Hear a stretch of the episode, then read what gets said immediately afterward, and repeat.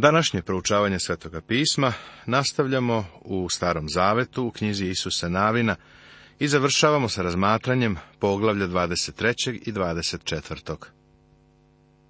Tema Posljednja poruka Isusa Navina U 23. poglavlju Isus Navin poziva izraelske vođe na hrabrost i sigurnost. Zatim u 24. poglavlju Izraelska plemena poziva na posvećenje i poštovanje Božjeg zaveta. Poglavlje se završava smrću Isusa Navina.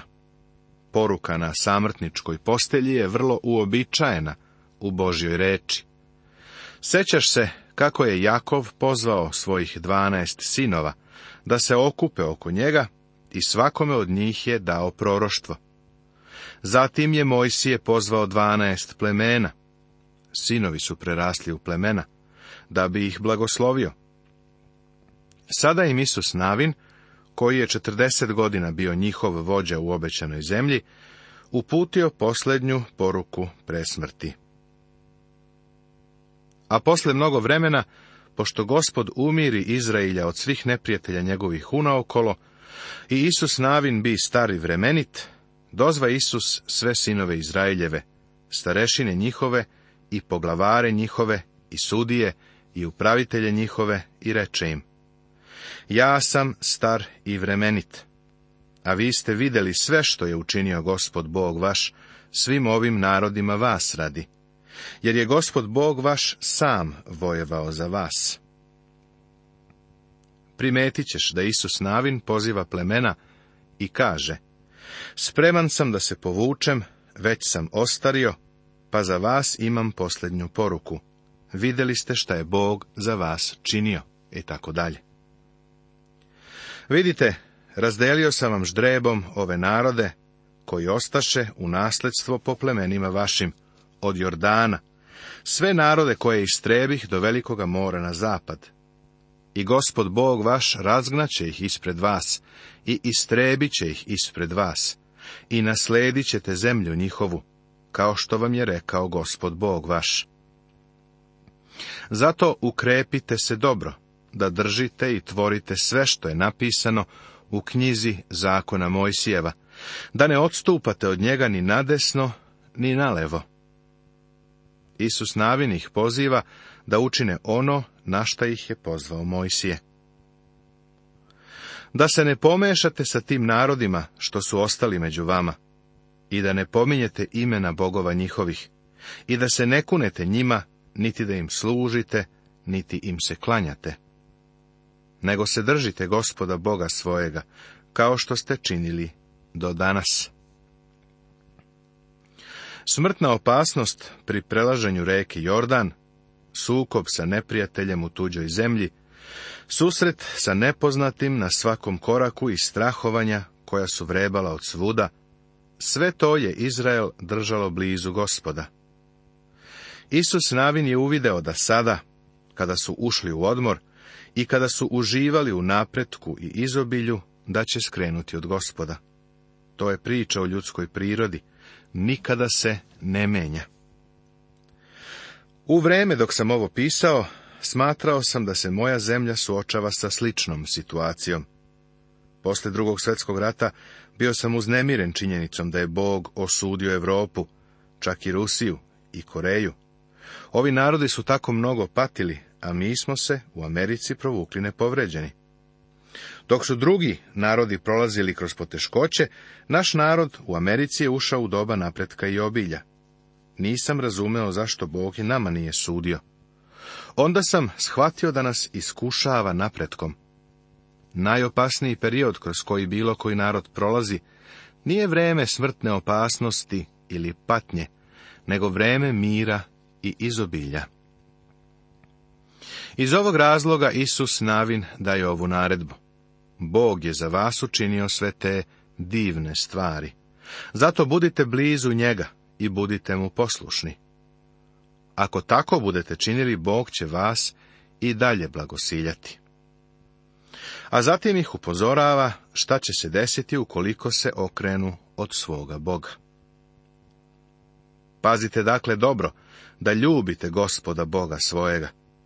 Jer ako se odvratite i pristanete za ostatkom tih naroda, što su još ostali među vama, i s njima se oprijateljite i pomešate se s njima i oni sa vama, znajte zaista da gospod Bog vaš neće više izgoniti tih naroda ispred vas, nego će vam oni postati zamka i mreža i bić bokovima vašim, i trnje očima vašim, dokle ne izginete na ovoj dobroj zemlji koju vam je dao gospod Bog vaš.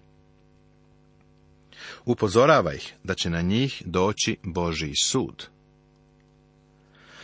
A kako vam se navršilo svako dobro, što vam je obrekao gospod Bog vaš, tako će gospod pustiti na vas sva zla, dokle vas ne istrebi sa ove dobre zemlje, koju vam je dao gospod Bog vaš ako prestupite zavet gospoda Boga svojega koji vam je zapovedio i otidete da služite drugim bogovima i stanete im se klanjati i raspalit će se gnev gospodnji na vas i nestaće vas brzo s te dobre zemlje koju vam je dao.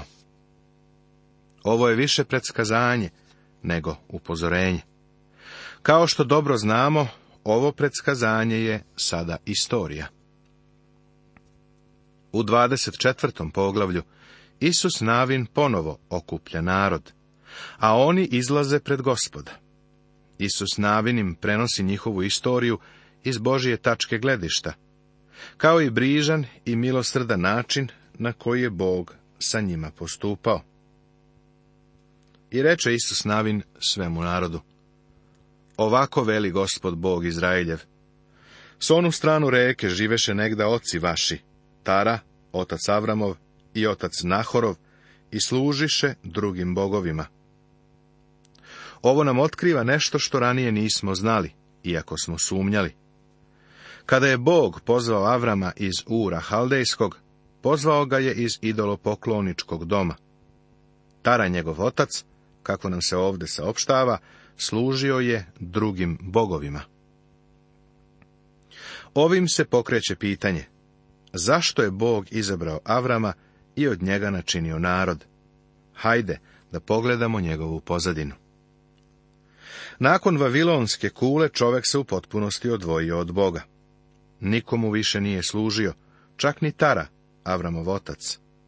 Kada im je gospod pobrkao jezike, narod se raštrkao u svim pravcima, ali je sa sobom poneo znanje o istinitom i živom Bogu.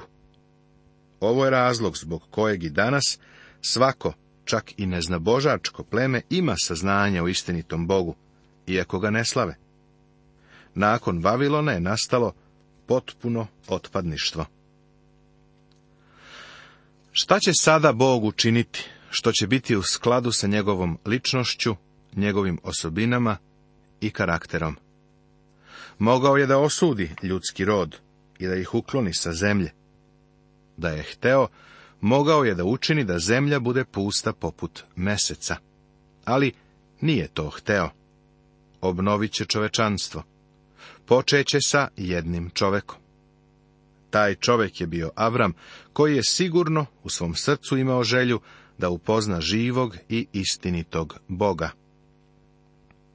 Kada ga je Bog pozvao, rekao mu je da ode iz Ura i da ostavi svoju porodicu. Sada znamo zašta. Tara je bilo idolopoklonik. Bog je pozvao Avrama da ode od tuda, da bi mogao da radi sa njim i da od njega načini narod iz kojeg će na svet doći Mesija. Bog je stvorio narod tamo u egipatskoj ciglani.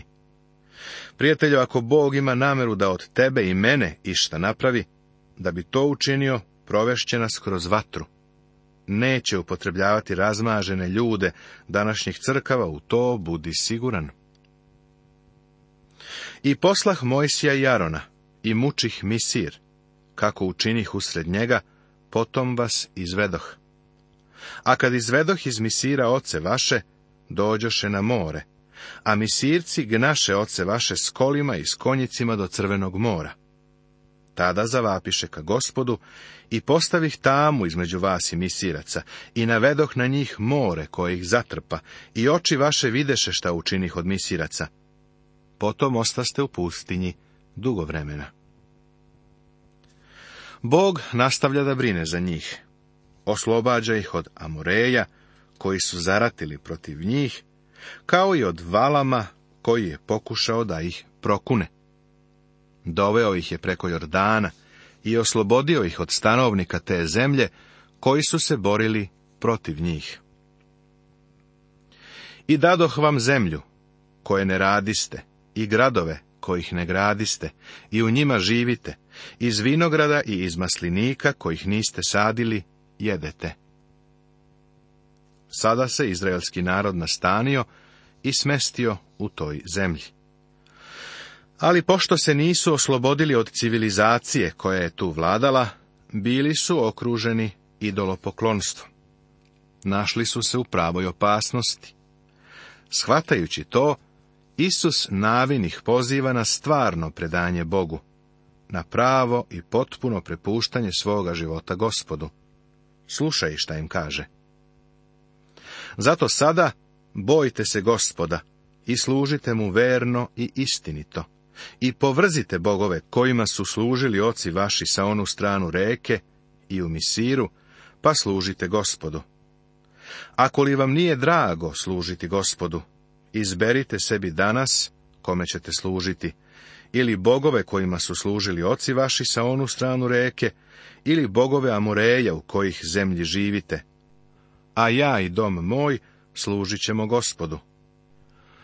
Što više znamo Isusu navinu, to mi se on sve više sviđa. Godinama je bio u Mojsijevoj senci, pa bismo pomislili da je nekakva Mojsijeva minijatura. Ali Isus Navin je naočit čovek. Bog nije pogrešio što ga je izabrao. Iako je Isus Navin prosečan, ova knjiga nam otkriva da jedan prosečan čovek koji je posvećen Bogu može biti silno upotrebljen. Isus Navin kaže narodu, da li želite da se vratite bogovima vaših očeva, onim paganskim bogovima kojima ste služili? Ili želite da služite amorejskim bogovima? Birajte. Ali, što se tiče mene i moje porodice, mi smo se opredelili, služit ćemo gospodu. Prijatelju, ovo je za sva izraelska plemena bio veliki izazov da preispitaju svoj savez sa Bogom. Pogledaj sada reakciju naroda. A narod odgovori i reče, ne daj Bože da ostavimo gospoda da služimo drugim bogovima, jer gospod Bog naš, on je izveo nas i oce naše iz zemlje Misirske, iz doma ropskoga, i on je učinio pred našim očima one znake velike, i čuvao nas celim putem kojim idosmo i po svim narodima kroz koje prođosmo. Pomislio bi da će ostati uz Boga i služiti mu zbog izvanrednog načina na koji je Bog radio sa Izraelom. Lako je pokazati prstom na vreme od pre oko 3600 godina i reći kakve je žalosne sudbine Izrael bio. Kakve su strašne greške pravili. A šta je sa nama danas? Koliko blizu Boga stojimo mi danas? Kad ostavite gospoda i stanete služiti tuđim bogovima, okrenut će se i zlo će vam učiniti i istrebit će vas, pošto vam je dobro činio. Bog je i nama također bio tako dobar, ali mnogi danas žive bezvoljno i apatično, uopšte ne ceneći blagoslove kojima nas obasipa. Mnogi misle da mogu da rade sve što im se prohte.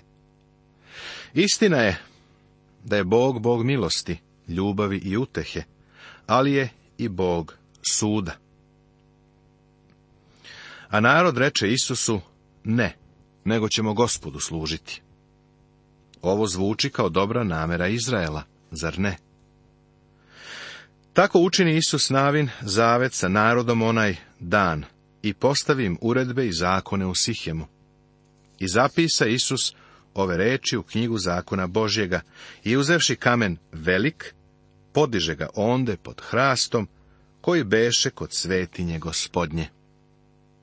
Drugim rečima, ono što je Isus Navin napisao, bilo je zabeleženo na istim svicima na kojima se nalazilo pet Mojsijevih knjiga. Sada dolazimo do smrti Isusa Navina. A posle ovih stvari umre Isus, sin Navin, sluga gospodnji, kad mu beše sto i deset godina.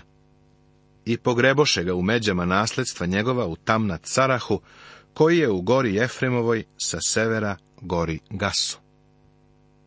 Isus Navin je bio sahranjen na pustom mestu, koje je izabrao sebi za nasledstvo. I služi Izrael gospodu svega veka Isusova navina i svega veka starešina, koje dugo živeše iza Isusa navina i koje znahu sva dela gospodnja koja učini Izraelu.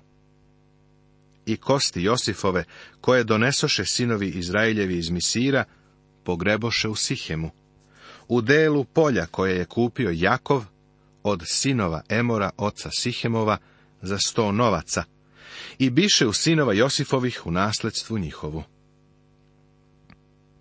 U vreme Navinove smrti on je sigurno bio visoko cenjen, jer je Izrael služio gospodu sve vreme njegovog života. Bio je to efekat pobožnog uticaja. Josif je bio Manasin i Jefremov otac. Kada su ova dva sina odlazila iz Egipta, sa sobom su poneli očeve kosti, pa su ih nosili četrdeset godina kroz pustinju. Obećali su Josifu da će njegove kosti pokopati u obećanoj zemlji. Zašto? Jer su očekivali da će u toj zemlji biti podignuti iz mrtvih. A Eleazar, sin Aronov, umre i pogreboše ga na brdu Finesa, sine njegova, mu beše dano u gori Jefremovoj. Aron je bio prvi sveštenik i umro je. Zatim je umro i drugi, Eleazar. Knjiga Isusa Navina je omeđena smrću. Počinje Mojsijevom smrću i završava se smrću Isusa Navina i Eleazara. Međutim, ono što mene zanima u ovom stihu jeste to što su Eleazara sahranili na brdu koje je pripadalo njegovom sinu Finesu, kojemu je dato u Jefremovoj gori. Postavlja se pitanje, otkuda fine su ta zemlja? Jer sveštenicima se zemlja nije davala, pa ipak je ovaj čovek dobavio fini komad poseda. Ovo je već bio početak odstupanja od živog i istinitog Boga, koje će onda postati očigledno u knjizi o sudijama. Poštovani slušaoci, ovim smo završili naše razmatranje knjige Isusa Navina, Svetoga pisma Starog Zaveta. U našem narednom programu započinjemo razmatranje knjiga o sudijama, Svetoga pisma Starog Zaveta.